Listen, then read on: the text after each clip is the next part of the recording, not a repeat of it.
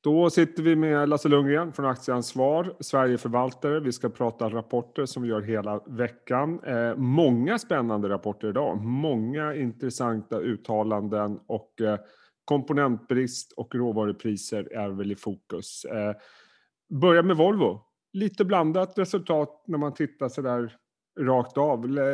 Lite lättare omsättning va? Vad, vad säger du? Aktien går väl sådär på den här rapporten? Ja, aktien går sådär på den här rapporten. Kanske eh, lite oförtjänt, men det har väl varit okej okay förväntningar. Men omsättningen var ju faktiskt något bättre än väntat. Mm. Det som var lite, lite light var väl orderingången. Just det. Rörelseresultatet var också in line. Eh, orderingången var väl minus runt 3 procent. Totalt så pratar vi alltså 2000 lastbilar. Och nu är jag lite osäker på om man överhuvudtaget har öppnat orderboken för 2022. Så att eh, Eh, jag tycker inte att den här eh, avvikelsen är speciellt oroväckande. Vad säger du om utsikterna? Ja, man behåller ju guidningen för de tunga sektorerna. EU, USA på, på tunga lastbilar.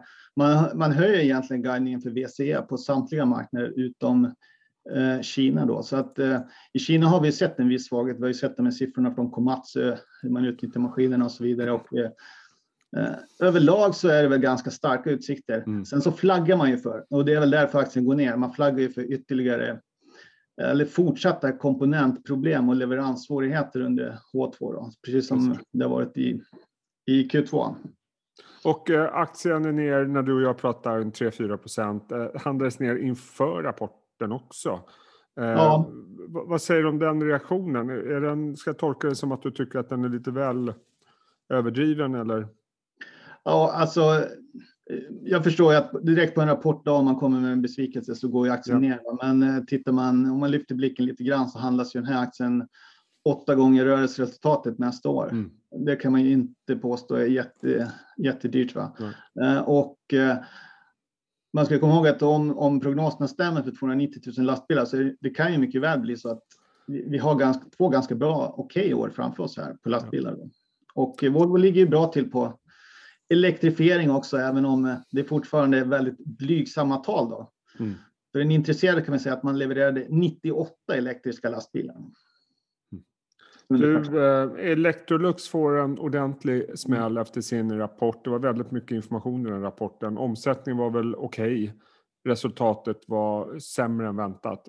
Vad säger du om den rapporten och varför slänger man ner aktien så mycket? Det finns ju definitivt en oro här att, att en normalisering för Electrolux mm. innebär normaliserad efterfrågan och normaliserade marginaler.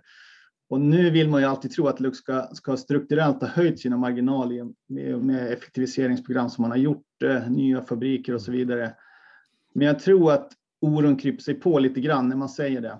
Sen så flaggar man ju för ytterligare svårigheter eh, med dels komponenter och framförallt ojämna leveranser. Det pratar man mycket om i rapporten, att det har varit ojämna leveranser och då får man svårt att, eh, att optimera produktionen helt enkelt. Och då kan produktmixen bli lidande och det kanske är lite grann vad vi har sett här. Va?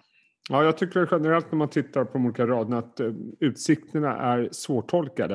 Uh, och det är definitivt inte någon klang och jubelföreställning vad gäller utsikterna.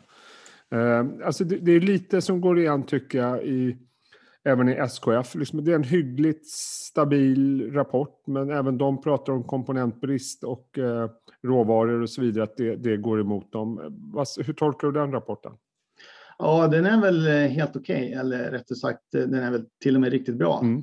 med tanke på som det har sett ut. Va? Uh, industrisegmentet gör faktiskt ett rekordresultat med 18 procents marginal, vilket är väldigt, väldigt starkt. Uh, och det här är ju det är svårt att tolka. Det är Gustafssons första rapport. Mm. Eh, så vi får väl se vad som kommer. Men precis som du säger, de påpekar också då komponentbristen och det kanske inte drabbar så mycket SKF som deras kunder snarare. Mm. Så att de inte riktigt vet hur de ska beställa. Och sen så pekar man också på logistikproblem som verkar vara svårt. Och jag tror helt enkelt eh, det är svårt att säga eftersom alla bolag pratar om det här så tror jag att det är mer ett fenomen om att man inte kan planera produktionen och leveranser mm. un, under de här omständigheterna helt enkelt. Och, och, jag tolkar det som när man läser de olika rapporterna som tar upp det här med komponentbrist att det är svårt att sätta liksom en, en, en slutpunkt på när det här är över. Eh, vilket mm. lär väl bidra till oro ytterligare minst ett, kanske till och med två kvartal. Ja, det kan ju faktiskt hålla i sig kanske längre än så. Och, mm. och, precis som du säger, det verkar ju som att det har drabbat olika sektorer, olika bolag och till och med olika kanske modellprogram, framförallt inom bilindustrin. Då. Vi har ju sett eh, Volvo pratar mycket om det här. Traton eller hela mm. Volkswagen-gruppen har ju inte pratat riktigt lika mycket om det, även om alla har nämnt det. Ford har fått stänga fabriker, Toyota kör på, så det är väldigt, väldigt olika hur det här slår. Mm. Uh, och det är framförallt inom olika segment också. Halvledare till bilindustrin är ju inte jätteavancerade. Uh, så de hamnar ju ganska långt bak då, kanske Apple och Samsung står och mm. köper i första hand. Då. Men nu, vi börjar ju faktiskt se att en del rubriker att även, även de kan drabbas. Va? Mm. Uh, men det är ju svårt att säga när man ser någon lösning på det här. Därför att det går ju ganska fort att producera i kapp skulle man säga, om man, om man tar halvledare till bilindustrin, om man väl sätter igång så att säga. Okay. Du, eh, Alfa däremot tas emot väl och den aktien har ju gått bra också hela året. Jag vet, var det framförallt orderingången som var det som eh, imponerar mest, eller vad säger du? Ja, absolut. Det var ju mm. orderingången rakt upp och ner. Intäkterna var ju bara 1 bättre. Resultatet, absolut, ebitda var över 6% bättre, men ja. orderingången var ju hela 15% bättre då. Mm. Och eh, det var ju faktiskt över hela linjen. Så att Alfa, Alfa har en stark efterfrågan, bra orderingång. Sen så guidar man ju även då, dem då. Säsongsmässigt så kommer ju Q3 att vara lite lägre och det guidar man ju också för. Men även de varnar ju för eh, ja, till och med en överhettad ekonomi som ja. Ericsson uttalade, som sa det i rapporten. Då. Men de det, är inte varje, det är inte varje dag man hör det från ett verkstadsbolag. Nej, inte riktigt mm. faktiskt. Men eh, de varnar också för de här logistikproblemen och eh, det är väl ett tecken på att jag tror att bolagen har svårt att planera. Att man kan inte planera så långt fram som man tidigare kunnat gjort. Mm. Eh, men absolut, det här var en, det var en stark rapport rakt igenom. Kanske få lite väl bra betalt, men det verkar i den här rapportsäsongen som orderingång är det som gäller. Mm, det verkar så. Du, lite kort om Billerud, vad säger du om den rapporten? det var en stabil rapport rakt igenom. Eh, 2-3 procent bättre i, princip på alla rader, på omsättning, på ebitda, på eh, rörelseresultatet var det väl lite, lite mer då. Eh, KM7 som man håller på att rampa upp och har gjort under flera år producerade nu i maj sina första kommersiella volymer av vätskekartong, eh, vilket är vad man ska tillverka framöver. Då. Så att eh, allting ser ut att rulla på. De pratar dessutom att det är, det är en väldigt stark marknad, även för, för pappersbruken. Då. Eh, Kraftpapper, säckpapper, man har höjt priserna. Vätskekartong är stabilt, där brukar man ha lite längre avtal. Tillgången på ved är fortsatt god. Det stod ingenting om prishöjningar på ved. Vi har ju hört mycket om prishöjningar på timmer och sådana saker, men det här är ju väldigt lokalt då, ska man komma ihåg. Eh, man ser prishöjningar på det är insatsvaror som kemikalier och sådana saker och även logistik. Då, men det eh, kompenseras väl av prishöjningar. Så att, eh, det var en rakt igenom bra rapport faktiskt. Du, avslutningsvis vad gäller dagens rapporter, vi ska inte prata så mycket om eh, Lindabs rapport eftersom de redan har kommit med en positiv vinstvarning innan dagens rapport. Men det finns en del intressant ändå. Det här är ett bolag som har lyckats höja priserna, jag vet inte hur många gånger i år. Eh, och det är ju ganska intressant vad det säger om marknaden egentligen och liksom inflation och konjunktur och hela den här biten. Hur, vad läser du mellan raderna när du tittar på Lindabs starka rapport? Ja, om vi ska börja med inflationen då och mm. de här mm. prishöjningarna. Vad jag förstår så har man höjt priserna ungefär fyra gånger i år hittills och ingen har väl varit under 20 procent om man ska tro på eh, mm. obekräftade uppgifter får vi säga. Eh, och det beror ju naturligtvis på att stålpriserna kommit upp. Va? Men eh, om vi kollar på rapporten så har ju Lindab kunnat kompensera sig väl. Då. Mm.